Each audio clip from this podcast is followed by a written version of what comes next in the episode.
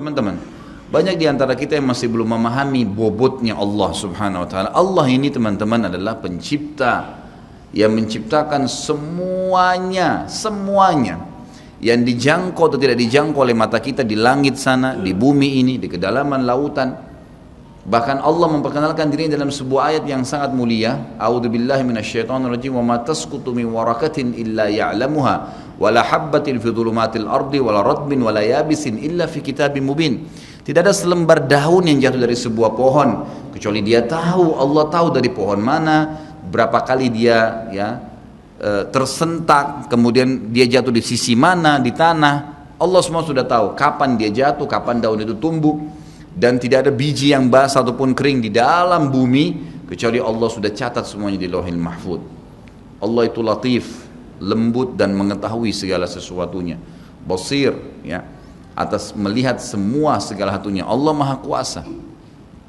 Makanya tingkat tertinggi dalam iman dalam agama kita adalah setelah Islam kalau dia cuma kerjakan rukun Islam saja namanya muslim. Tapi kalau dia gabung dengan rukun iman yang enam sudah mengerjakan sholat, zakat, puasa Ramadan, haji, kemudian diikuti dengan keenam rukun iman, yakin Allah perintahkan, yakin malaikat sedang menyaksikan dan mencatatnya, yakin ini diturunkan dalam kitab-kitab, kitab Al-Quran, yakin ini diperintahkan pada Rasul, Nabi Muhammad SAW, yakin dia akan terima balasannya pada hari kiamat, maka dia ikuti dengan rukun iman. Dan ini takdir baik takdir buruk ada dicatatkan oleh Allah SWT maka namanya mukmin. Tapi tingkat lebih tinggi lagi daripada itu penggabungan antara rukun Islam, rukun iman dan ada adab mengenal Allah namanya ihsan. Ihsan itu apa kata Nabi SAW? An ta'budallah ka'annaka tarah fa in lam takun tarah fa innahu yarak. Engkau menyembah Allah seakan-akan engkau melihatnya dan kalau kau tidak melihatnya yakinlah dia sedang melihatmu. Selalu merasa dikontrol oleh Allah Subhanahu wa taala. Kalau ada di antara Bapak Ibu yang bertanya pada saya, Ustaz saya sudah coba khusyuk tapi tidak bisa masih terasa kayak ada hambatan-hambatan. Apa kira-kira sebabnya? Jawabannya cuma satu. Bapak Ibu masih memiliki dosa yang menghambat itu. Selama dosa masih ada yakinlah tidak akan pernah bisa khusyuk. Nggak bisa. Makin banyak dosa itu makin berlipat-lipat makin diulang-ulang setiap hari maka makin jauh dari Allah subhanahu wa ta'ala. Seperti orang yang tenggelam ke dalam lautan belum ya belum keluar ke dasarnya dia kemudian menelan lebih banyak air. Maka makin tenggelam dan bisa meninggal dunia. Seperti itulah orang yang berbuat dosa. Maka berbanyak istighfar. Seminggu dua minggu sebulan. Sampai Abdullah bin Umar mengatakan radhiyallahu anhu ini sahabat Nabi ya dikenal dengan sahibut ta'assi orang yang sangat luar biasa dalam mengerjakan sunnah Nabi SAW hal yang kecil aja dikerjain sama dia Sampai Abdullah bin Umar saya pernah ceritakan kalau masih ingat kisahnya bagaimana beliau memberhentikan 70 kafilah haji di zaman pada saat Nabi SAW sudah meninggal di zaman e, pemerintahan ayahnya Umar bin Khattab radhiyallahu anhu ajma'in. Beliau pernah memberhentikan 70 kafilah haji lalu kemudian beliau bilang berhentilah di sini tunggu sebentar dan lihat apa yang saya lakukan. Lalu Abdullah bin Umar jalan jauh sekali. Orang semua lihat apa yang dia mau kerjakan nih orang? Ini ulamanya sahabat. Tiba di sebuah pohon beliau kencing di pohon itu Kemudian setelah kencing kembali lagi. Lalu Ka'ab bin Malik sahabat Nabi yang lain anu berkata, Wahai Abdullah bin Umar, semoga Allah merahmati anda. Apakah anda memberhentikan kami 70 kafilah ini hanya untuk menyaksikan anda kencing di pohon itu? Jawabannya dengan sangat tegas, jelas, iya. Kenapa? Kata Kaab, karena saya waktu haji bersama Nabi saw, saya pernah Nabi pernah berhenti di sini, pernah kencing di situ. Jadi saya mau tunjukkan ini loh tempat kencingnya Nabi saw. Saking luar biasanya Abdullah bin Umar dalam masalah ini. Beliau pernah berkata teman-teman sekalian, padahal terkenal dengan sahibut ta'asiyah, tidak ada sunnah Nabi yang ditinggalkan, selalu dikerjakan. Beliau mengatakan, saya tahu atau saya pernah berbuat dosa, tapi beliau tidak sebutkan. Saya pernah berbuat dosa, pelanggaran yang itu kecil di mata saya. Mungkin sebuah pelanggaran kecil. Ternyata Allah subhanahu wa ta'ala mengharamkan saya dari sholat subuh berjamaah sebulan. Jadi kalau ada orang di antara bapak-bapak yang sholat subuh kebablasan tidur, itu ada dosa. Beliau mengatakan bahkan karena dosa kecil itu sudah cukup sebulan saya terharamkan sholat subuh berjamaah. Ada di antara mereka yang mengatakan juga di antara para sahabat dan ulama tabi'in, saya gabungkan perkataan-perkataan mereka, banyak di antara mereka yang mengatakan dan hampir sama semuanya. Mereka mengatakan kami tahu ya atau saya mengetahui perubahan ada dosa yang saya lakukan pada saat terjadi perubahan pada pasangan saya suaminya kah marah-marah, istrinya kah buat ulah, anaknya kah buat ulah, itu berarti permasalahan ada dalam diri dia. Mereka mengatakan saya tahu ada kesalahan dosa yang saya kerjakan dengan Allah Azza wa Jal pada saat terjadi perubahan di pasangan hidup saya, anak-anak saya dan tunggangan saya.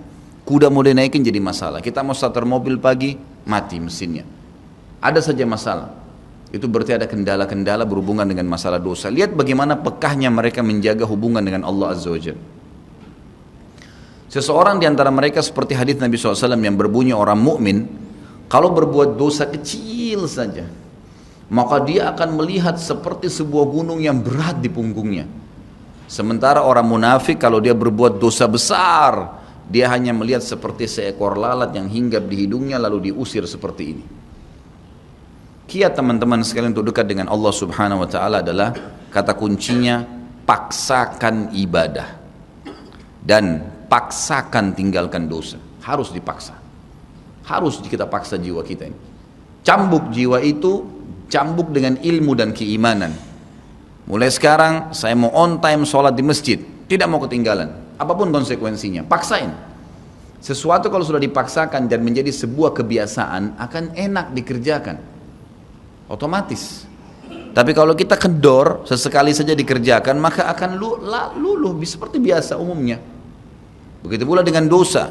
Paksain diri untuk tinggalkan. Lihat yang haram, turunkan pandangan. Mau beli sesuatu, tahan tangan itu supaya tidak beli. Paksa. Nggak ada masalah kok. Tangan kita nggak putus kalau kita nggak beli DVD film yang tidak benar misalnya. Nggak masalah kok kuping kita nggak copot kalau kita nggak dengar musik misalnya. Alihkan ke Al-Quran. Setan goda, lawan. Jangan terus menerus kendor imannya seperti kerupuk.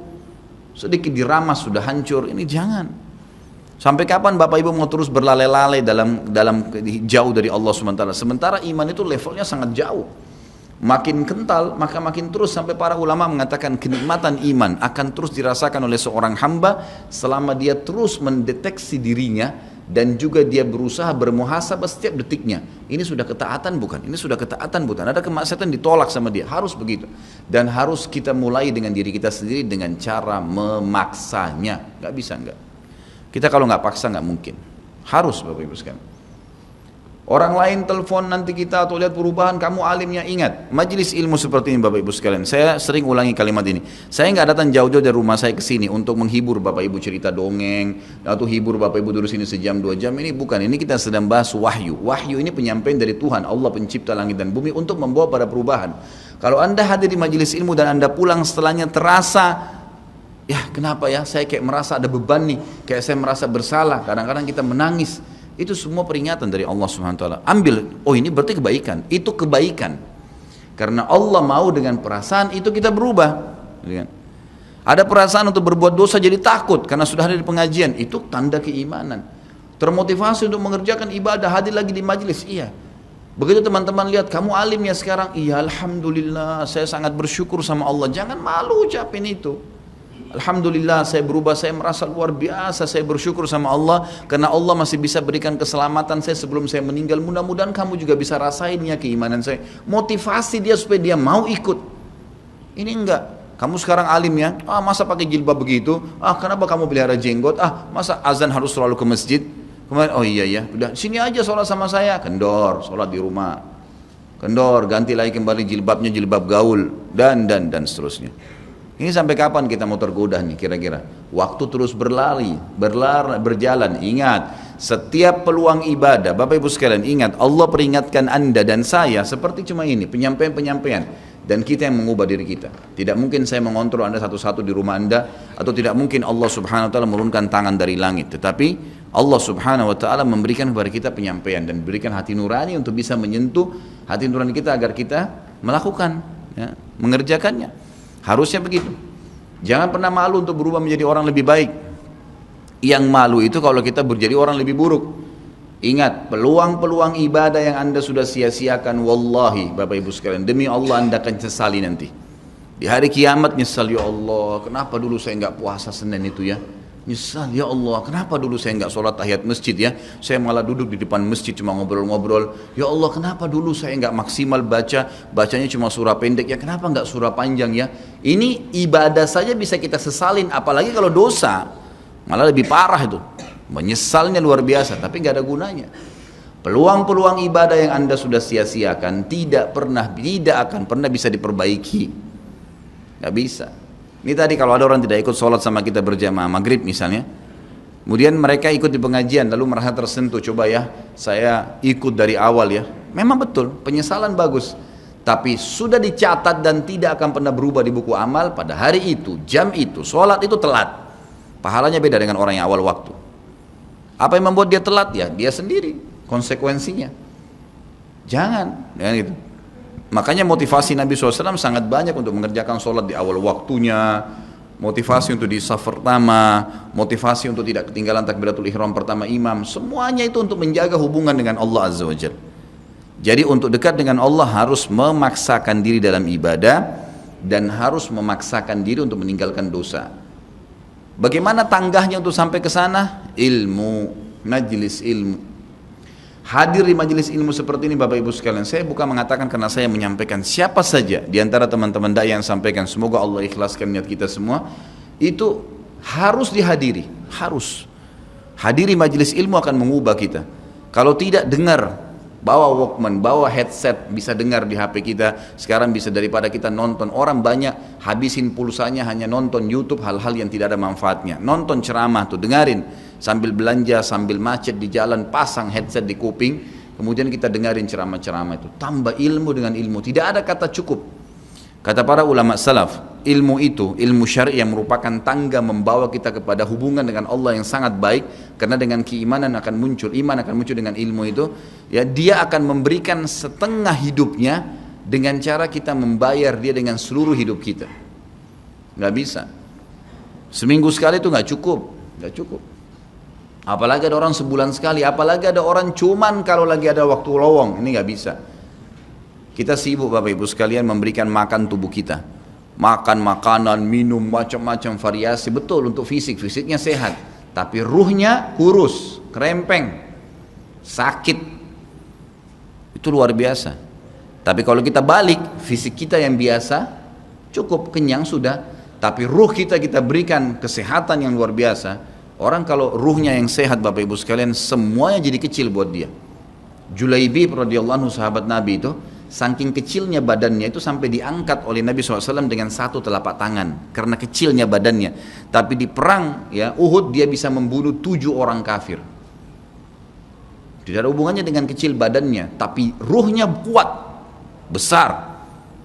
Waktu Nabi SAW balik dari perang Uhud dan di terkalahkan oleh orang-orang kafir Quraisy dengan hikmah Allah Subhanahu wa taala semua sahabat waktu itu mati syahid 70 orang di Uhud sisa 630 orang bersama Nabi SAW semuanya terluka. Dan minimal luka sahabat waktu itu minimal 7 luka.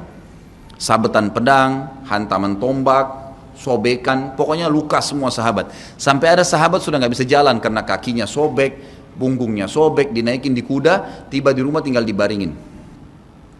Lihat bagaimana para sahabat mengetahui bagaimana hubungannya dengan Allah Subhanahu wa taala dengan ilmu yang sudah tertanam yang Nabi SAW tanamkan dalam hati mereka. Bisa mengubah segala sesuatu. Subhanallah tiba pulang menjelang maghrib ke kota Madinah istirahatlah para sahabat ini mereka lagi obatin obat luka mereka.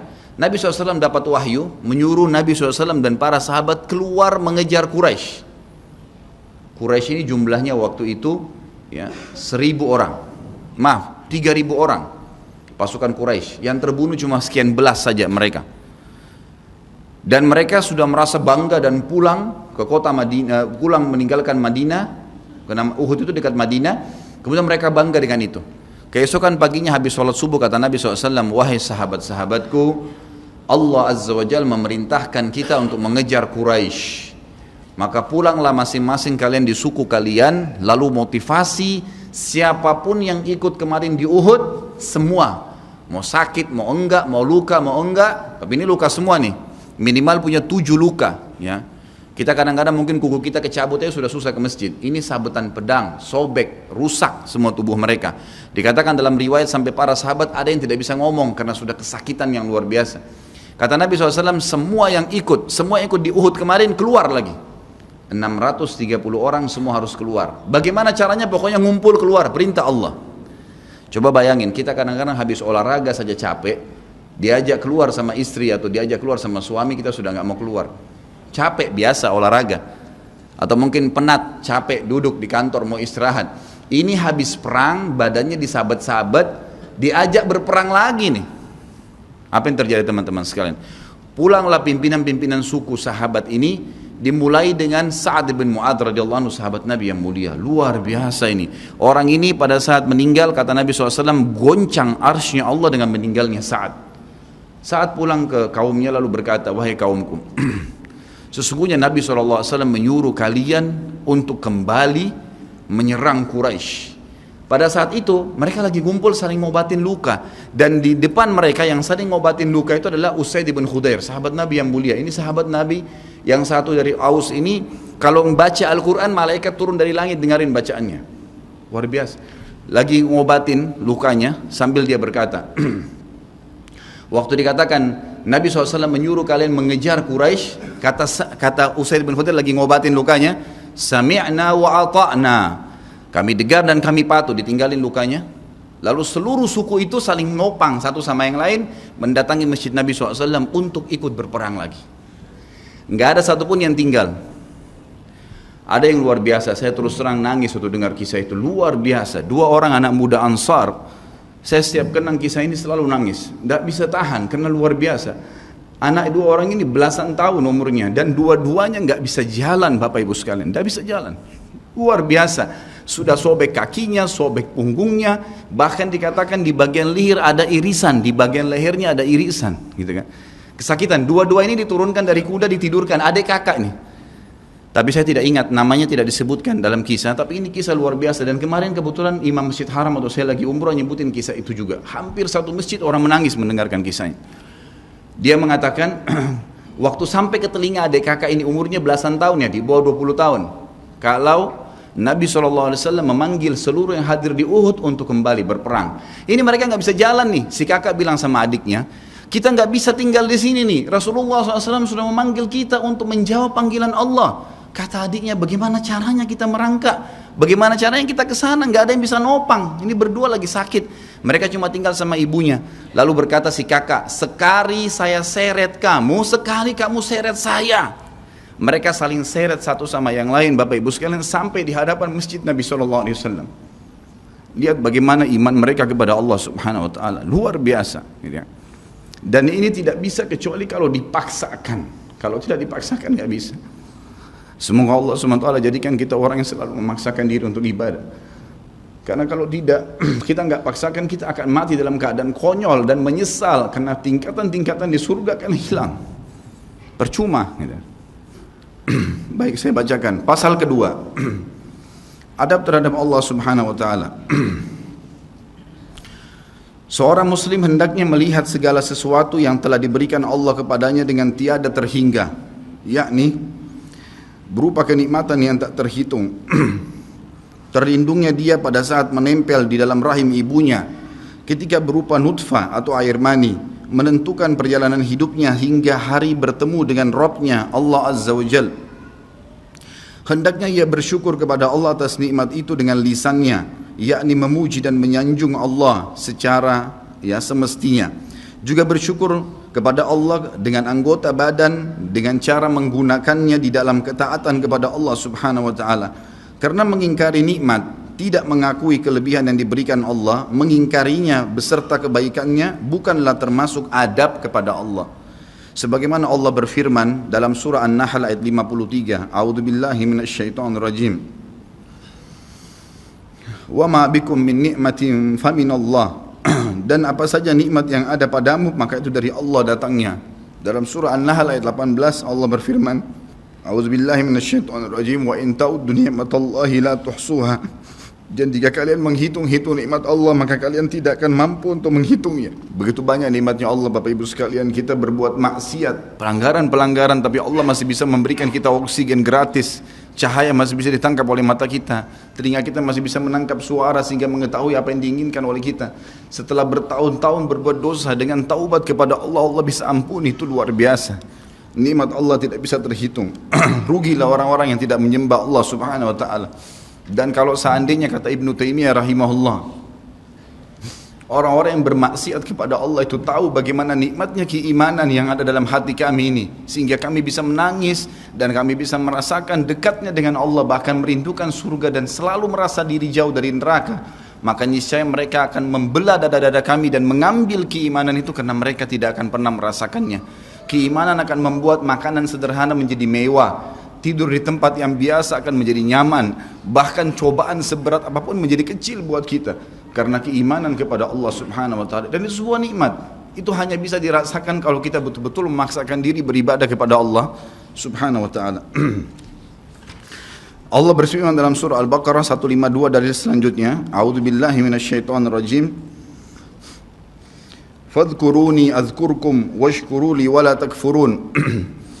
Ingatlah selalu aku kata Allah Selalulah berzikir, selalulah patuh, selalulah kerjakan ketaatan-ketaatan Nikmatilah yang halal, jauhilah yang dilarang Maka aku akan ingat kepada kalian Bayangkan kalau seorang presiden mengingat kita bagaimana banggahnya kita disebut-sebut nama kita pada di hadapan orang-orang yang di sekitarnya.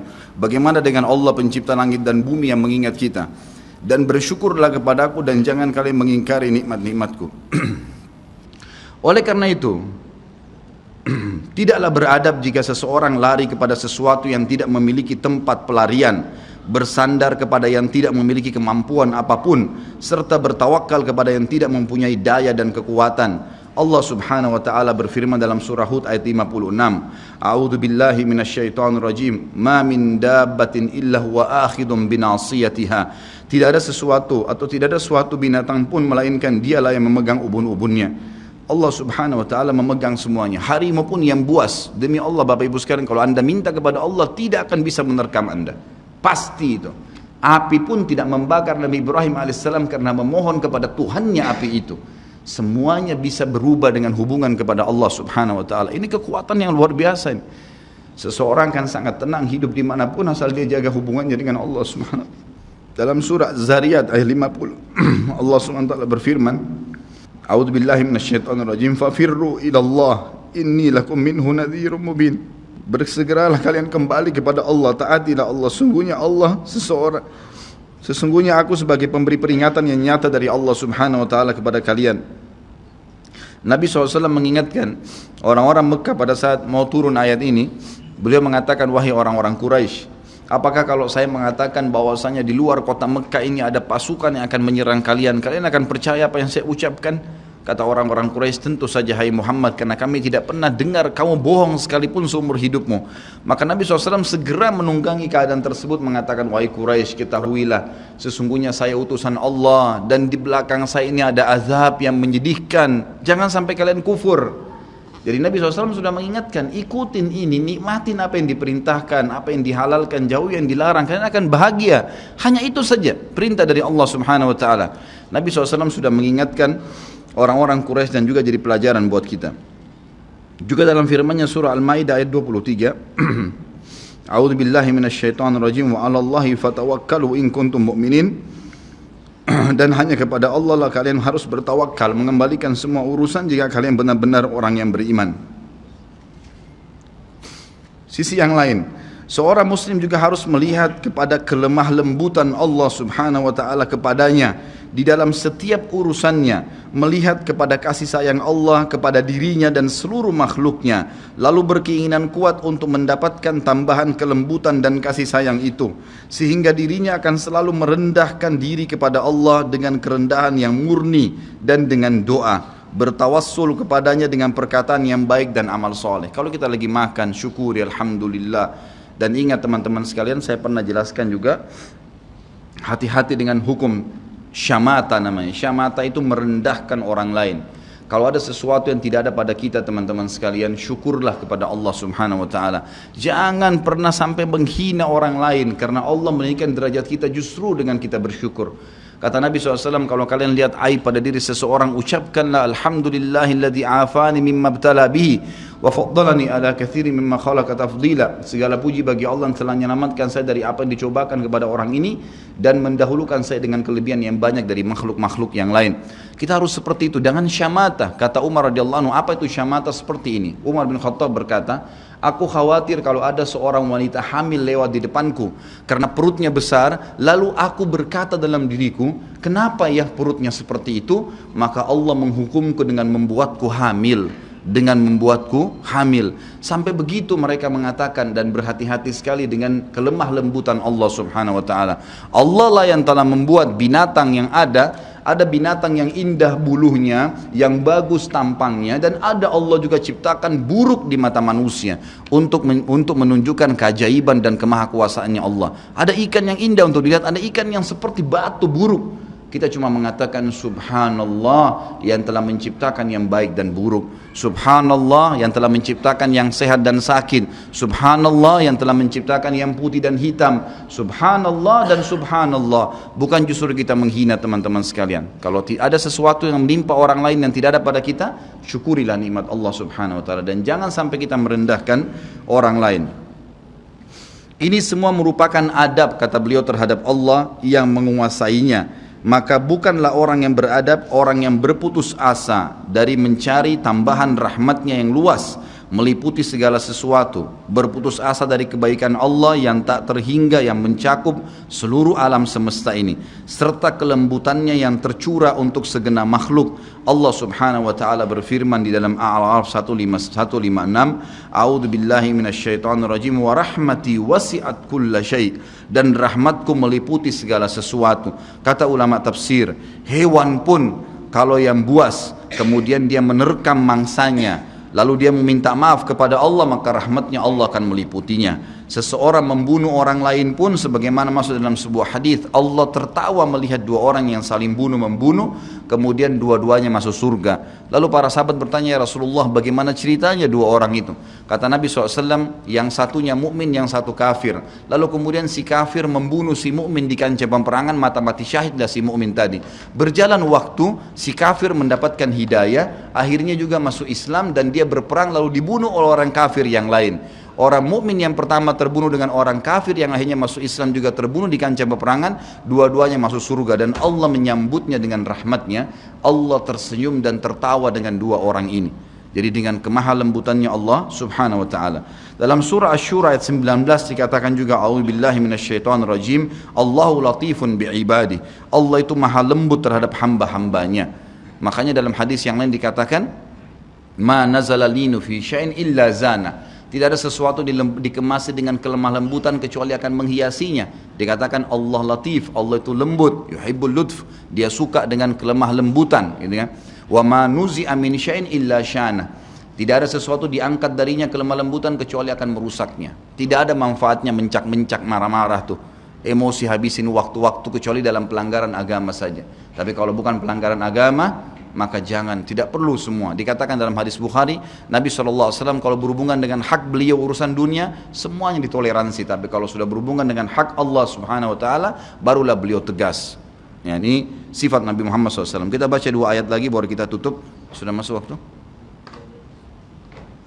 Surah Yusuf ayat 87 A'udzu billahi minasyaitonir rajim la tayasu min Janganlah kalian putus asa dari rahmat Allah sebagaimana hadis tentang orang yang membunuh 99 jiwa kemudian dia datang kepada seseorang abid orang ibadah tapi tidak punya ilmu apakah Allah masih akan ampuni saya? Dia mengatakan tidak mungkin.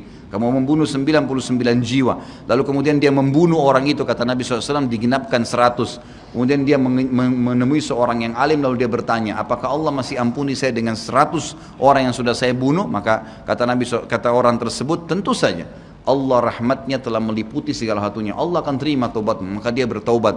Pada saat dia bertaubat orang tersebut kepada Allah SWT lalu dia mau pulang setelah bertaubat lalu dia meninggal tengah jalan. Kata Nabi SAW Allah mengutus dua malaikat, satu malaikat rahmat, satu malaikat azab. Malaikat rahmat akan membawa ruhnya yang memperlihatkan taman dari taman surga dan malaikat adab memperlihatkan tam, lubang dari lubang neraka. Maka datanglah malaikat yang ketiga menghakimi di antara ketiganya, keduanya lalu kemudian malaikat ini mengatakan yang datang ketiga yang menghakimi dua malaikat yang sedang memperebutkan orang yang tadi baru taubat ini, ukurlah jejak kakinya. Maka diukur ternyata jalan menuju ke tempat taubatnya itu lebih satu jengkal, satu jengkal kaki. Ya, satu jengkal kaki saja. Maka dengan itu Allah masukkan dia ke dalam surga. 100 jiwa sudah dibunuh teman-teman sekalian. Ini bukan main-main. Dosa yang sangat besar tapi rahmat Allah sangat luas. Az-Zumar ayat 53 kata Allah Subhanahu wa taala juga a'udzu billahi minasyaitonir rajim wala taqnatu mir rahmatillah. Jangan pernah putus asa dari rahmat Allah Subhanahu wa taala. Paragraf terakhir yang saya bacakan nanti insya Allah kita lanjutkan setelah sholat ba'diyah isya. Seorang muslim harus melihat bagaimana dahsyatnya siksaan Rabbnya. Allah SWT maha lembut tapi jangan lupa Allah azabnya sangat pedih Seorang muslim harus melihat bagaimana dahsyatnya siksaan Robnya, kerasnya azab dan kecepatan hisapnya. Kalau datang seketika, gitu kan? Dan tidak ada yang bisa bendung, sehingga dia bertakwa atau takut kepadanya, menjaga diri terhadapnya, serta meninggalkan segala kemaksiatan. Maka ini pun merupakan bentuk adab kepada Allah, sehingga tidaklah seseorang itu beradab menurut orang-orang yang berakal apabila ia menentang Allah dan berlaku aniaya atau zalim. Padahal ia seorang hamba yang lemah namun justru menentang Rob yang maha perkasa lagi maha kuasa. Maha kuat lagi maha perkasa. Dan Allah berfirman dalam surah Ar-Ra'd ayat 11 A'udhu billahi minasyaitonir rajim. Wa idha aradallahu biqaumin su'an fala maraddalah Wa ma lahum min dunihi wal. Dan apabila Allah menghendaki keburukan terhadap satu kaum Maka tidak akan pernah ada yang bisa menolaknya. Dan sekali-kali tidak ada pelindung bagi mereka selain dia kalau Allah sudah mau hancurkan, maka tidak akan pernah ada yang bisa membendung. Juga dikatakan dalam surah Al-Buruj ayat 12, A'udzu billahi minasyaitonir rajim, inna batsya rabbika lasyadid.